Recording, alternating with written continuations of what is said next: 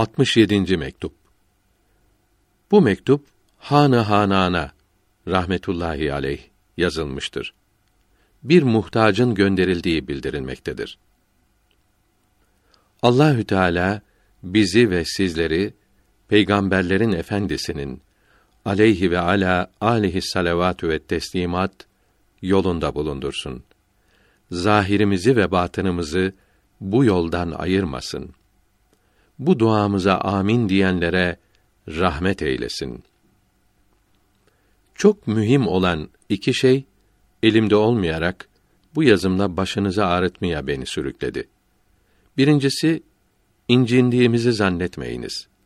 Belki sevgimiz ve ihlasımız artmaktadır.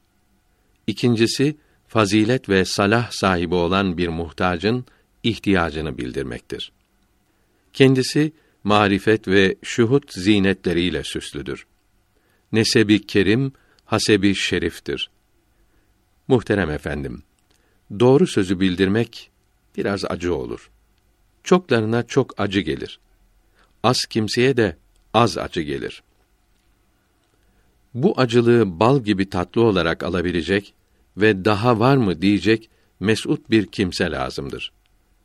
Hallerin değişik olması mahlukların sıfatıdır, özelliğidir. Temkine yani hallerin değişmemesine kavuşanlar da az da olsa değişiklikten kurtulamaz. Zavallı mahluk. Çok olur ki celal sıfatlarının saltanatı altında kıvranır.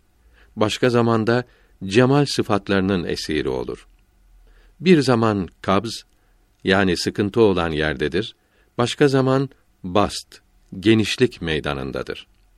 Her zamanın hükümleri birbirine benzemez.